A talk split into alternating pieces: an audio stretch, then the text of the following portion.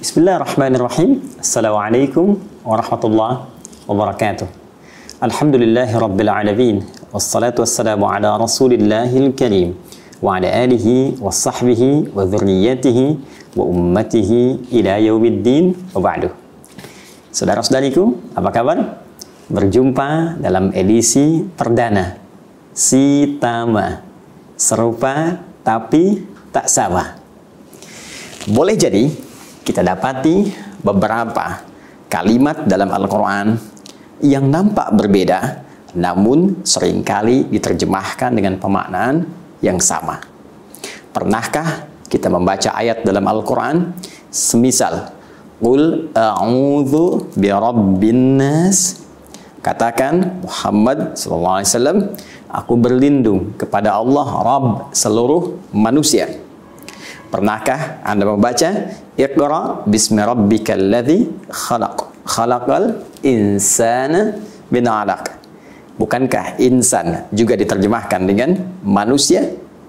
Pernahkah Anda membaca wa ma khalaqtul jinna wal insa illa liya'budun? Bukankah insa di sini diterjemahkan juga dengan manusia? Pernahkah Anda membaca Qul innama ana basyarum mithlukum. Bukankah bashar diterjemahkan juga dengan manusia? Lantas jika terjemahnya serupa, bahkan sama, sama-sama manusia, namun kenapa lafaznya mesti berbeda? Ada bashar, ada insan, ada nas, ada ins. Serupa, tapi lafaznya tak sama. Apa hikmah dibalik penamaan manusia dengan lafaz yang beragam itu? Edisi perdana Sitama akan mengulas hal dimaksud. Baik, hari ini kita akan ambil kata pertama di dalam Al-Quran yang menunjuk pemaknaan manusia yaitu kata bashar. Kita coba turunkan dulu. Ada bashar, ada al-ins, ada al-insan juga ada an-nas. Tadi disebutkan di surah paling favorit di muka bumi. Kul a'udzu birabbin nas. Baik keempat lafaz ini telah kita tegaskan tadi sering kali diterjemahkan di mushaf dengan makna yang serupa. Manusia. Dari keserupaan terjemahan ini apa rahasia di balik perbedaan nama yang beragam walau menunjuk pada makna yang sering diterjemahkan sama. Mari kita lihat esensinya. Pertama Bashar. Dan ini adalah nama pertama yang diperkenalkan oleh Allah Subhanahu wa taala kepada para malaikat dan sebagian kalangan jin yang telah tercipta sebelum manusia. Nama pertama inilah yang diperkenalkan oleh Allah kepada malaikat dan kalangan jin dimaksud. Disebutkan dalam Al-Quran surah ke-15. Al-Hijr ayat ke-28. Allah berfirman, qala rabbuka lil malaikati inni khaliqum bashara min salsalim min hama'im masnun. Muhammad sallallahu alaihi wasallam ingatlah pahamilah ketika Rabbmu menginfokan menyampaikan kepada kalangan malaikat dan sementara jin yang hadir pada saat itu bahwa aku akan mencipta makhluk baru yang bukan malaikat bukan jin tapi bashar. Dan bashar ini disebutkan sebanyak 35 kali dalam Al-Quran pada bentuk tunggal mufradnya dan disebutkan satu satu kali saja dalam bentuk dual muthanna yaitu basyaraini. Ya tersebut dalam Al-Qur'an surah ke-23 ayat ke-47. Baik sekarang kita gali kedalaman maknanya. Kata basyar pada mulanya menunjuk pada makhluk yang secara fisikal tampil dengan tampilan yang elok indah dengan kulit yang halus. Maka dinamakan dengan bashar. Di sini secara fisikal Allah ingin membedakan tampilan manusia dengan hewan. seakan-akan ingin menunjuk bahwa tampilan manusia sempurna. Tampilannya indah, elok, kulitnya halus, Walaupun ada perbedaan pigmen kulit yang disesuaikan dengan wilayah tempat dia tinggal, sesuai dengan cuaca yang ia rasakan agar bisa menyesuaikan dengan iklim beraktivitas nyaman di tempat dia hidup. Namun kesemuanya memiliki tampilan kulit yang halus dan sempurna ciptaan fisiknya. Untuk itu Allah tegaskan dalam Al-Quran surah ke-95 itu setelah bersumpah dengan tiga risalah kenabian. Baik risalah Nabi Musa alaihi salam, Nabi Isa alaihi salam, bahkan Nabi Muhammad sallallahu alaihi wasallam puncaknya. Wattini waz-zaitun wa turi sinin wa hadzal baladil amin. Laqad khalaqnal insana fi ahsani taqwim. At-tin dan zaitun tempat wilayah Nabi Isa dari mulai lahir sampai berdakwah wa turisina ya bukit Tursina. Nabi Musa alaihi salam menerima wahyu. Wa hadzal baladil amin. Nabi Muhammad sallallahu alaihi wasallam diangkat mendapat risalah di Mekah di negeri yang sangat terjaga. Tiga risalah yang istimewa ini untuk bersumpah pada penekanan penciptaan manusia yang sempurna Laqad khalaqnal insana fi ahsani taqwim. Kami ciptakan manusia dengan tubuh tampilan yang sempurna. Apa di antara kesempurnaannya? Bashar, berbeda dengan hewan. Kalau hewan kita dapatkan, Masya Allah, kalau nggak percaya, pergi ke kebun binatang. Coba bandingkan kulit Anda dengan kulit badak. Bandingkan kulit Anda dengan kulit singa. Bandingkan kulit Anda dengan kulit kerbau. Kalau dikembalikan kepada kita, tampilan manusia lebih sempurna. Baik. Namun juga Bashar jangan lupa menunjuk kepada aspek kemanusiaan yang memiliki nafsu. Ya, kecenderungan untuk makan, kecenderungan untuk minum, kecenderungan untuk berniaga, kecenderungan untuk menunaikan hal-hal hubungan seksual, biologis. Ini yang membedakan manusia dengan malaikat. Malaikat tidak makan, malaikat tidak minum, malaikat tidak berhubungan seksual, malaikat tidak berniaga. Karena itulah ketika Allah memperkenalkan pada malaikat dengan nama Bashar, seakan-akan ingin menunjuk pada malaikat bahwa makhluk ini beda dengan kalian. Jika malaikat tak punya nafsu, karena itu, ia selalu menunaikan perintah Allah dengan sempurna. Tak bermaksiat menunaikan tugas sesuai dengan tupoksinya. Quran surah ke-66 ayat yang ke-6. La ya'sunallaha ma amarahum wa yaf'aluna ma yu'marun. Malaikat mustahil berbuat maksiat dan akan mengerjakan tugas sesuai perintahnya saja. Pernahkah Anda mendengar malaikat Jibril korupsi ayat? Tidak. Pernahkah Anda mendengar malaikat maut misalnya sengaja bertukar tugas dengan malaikat Ridwan atau malaikat misalnya Malik atau malaikat misalnya Mikail? Tidak. Kenapa? Karena semua memiliki jalur yang sempurna dengan sifat takwa yang Allah turunkan. Manusia beda.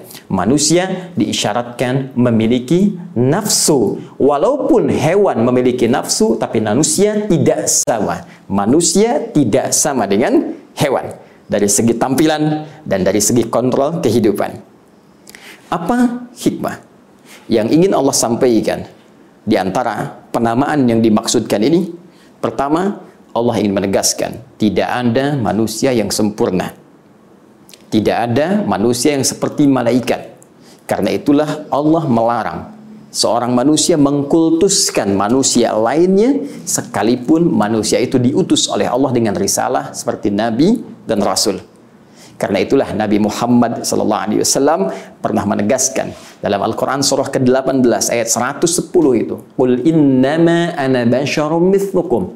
Katakan Muhammad sallallahu alaihi wasallam, perintah Allah, katakan pada umatmu, aku pun manusia seperti kalian. Jangan kultuskan aku, perintah dari Allah. Karena diduga nanti ada orang-orang yang ketika melihat Nabi membawa mukjizat, Sebelum Nabi Muhammad ada Nabi Isa bisa menghidupkan orang mati dengan izin Allah Subhanahu wa taala. Nabi Musa bisa membelah lautan dengan tongkatnya dengan izin Allah Subhanahu wa taala. Nabi Ibrahim bahkan bisa menghidupkan burung-burung yang mati yang telah dicincang dengan izin Allah Subhanahu wa taala. Jangan sampai ketika engkau melihat mukjizat itu atas izin Allah yang menguatkan kerasulan mereka, namun engkau alih tafsirkan dengan pengkultusan sehingga engkau bisa saja menjadikan Isa melampaui batas-batas kenabian Mungkin engkau akan menduganya sebagai lebih daripada nabi. Ada yang menjadikan Tuhan, ada yang menjadikan lebih daripada itu, ada yang bahkan menaikkan derajatnya lebih dari sisi kemanusiaan dan tugas kerasulannya. Apa kata Nabi? Nabi meneruskan perintah Allah, yuha ilayya. Aku manusia seperti kalian, cuma bedanya aku diberikan wahyu. Jadi hikmah yang pertama, penamaan Bashar ini memberikan kesan kepada kita bahwa satu, ikuti petunjuk para rasul, tapi jauhi pengkultusan setiap manusia, baik dari kalangan rasul ataupun orang-orang soleh. Bukankah bencana pertama yang menjadikan manusia beralih dari penghambaan kepada Allah Subhanahu wa taala saat sementara kalangan masyarakat mengkultuskan orang-orang soleh?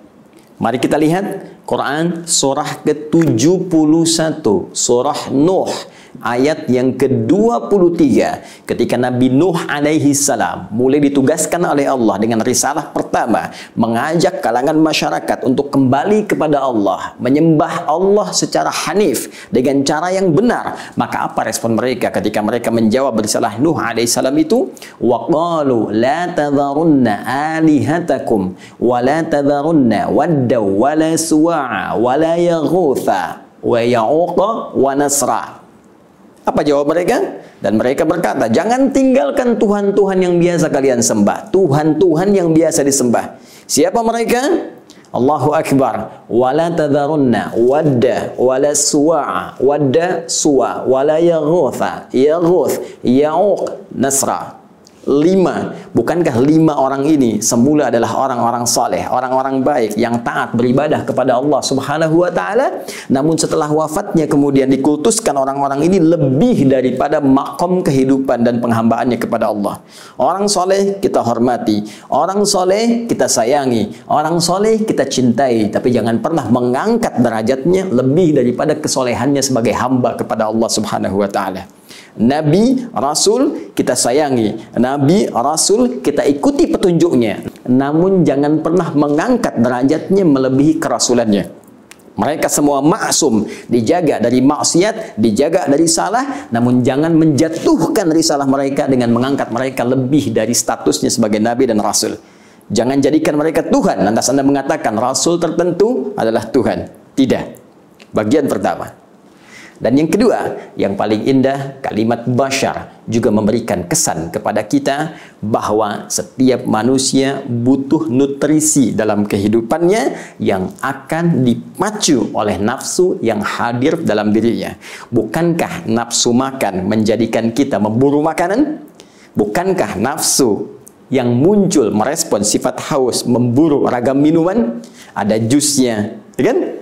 Ada sirupnya, ada macam-macamnya yang menghubungkan dan memberikan kebutuhan nafsu yang hadir dalam jiwa kita. Bukankah dengan nafsu itu kita ingin menyalurkan hasrat biologis dengan pernikahan yang kita telah lakukan atau akan kita rencanakan?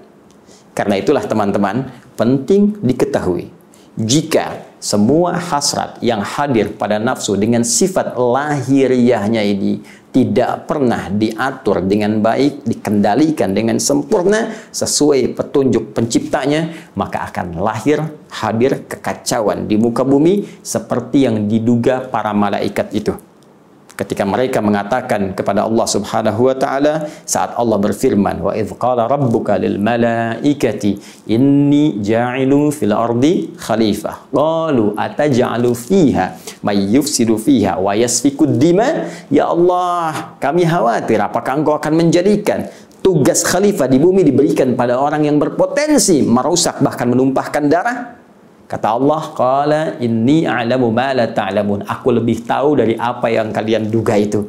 Allah memberikan kontrol kepada nafsu supaya dia bisa diarahkan untuk memenuhi aspek kebutuhan lahiriahnya. Maka muncullah bimbingan bagaimana mencari makan yang baik.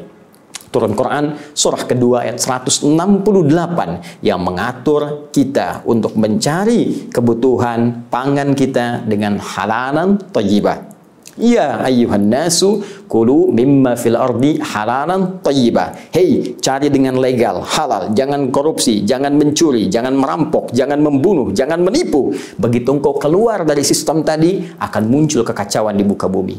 Bukankah dengan korupsi kacau kehidupan kita? Bukankah dengan perampokan, pencurian tidak tenang kehidupan kita? Kalau ingin tenang, kembalikan kepada petunjuk dalam Al-Quran untuk mengatur nafsu lahiriah kita.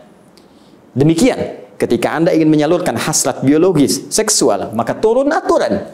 Allah berikan gambaran kepada kita, lakukan lewat pernikahan. Quran surah ke-30 ayat ke-21. Disalurkan dengan cara yang benar, ada sistemnya, ada hukumnya, ada paparannya, ada petunjuknya. Dilakukan ini sempurna kehidupan rumah tangga. Dilampaui atau bahkan disalahi petunjuk ini, maka akan muncul kekacauan yang tidak biasa.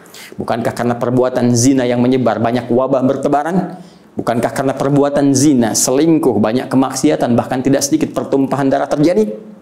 Saudaraku, bahkan dalam hal untuk berbisnis, berusaha pun, berniaga pun, Allah turunkan aturan supaya kita bisa mengendalikan nafsu dengan baik.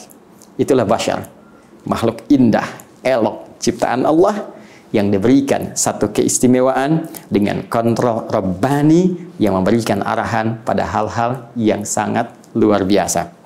Maka sekali lagi, kita makhluk yang tidak mungkin sempurna, tapi juga dengan itu kita diminta menata diri agar tidak melampaui batas-batas kemanusiaan kita. Pun demikian, baca Al-Quran, temukan kata bashar, dan di situ ada petunjuk bagaimana kita mesti mengendalikan nafsu kita ya, sehingga benar dalam petunjuk Allah Subhanahu wa taala. Adi Hidayat si Tama edisi perdana. Assalamualaikum warahmatullahi wabarakatuh.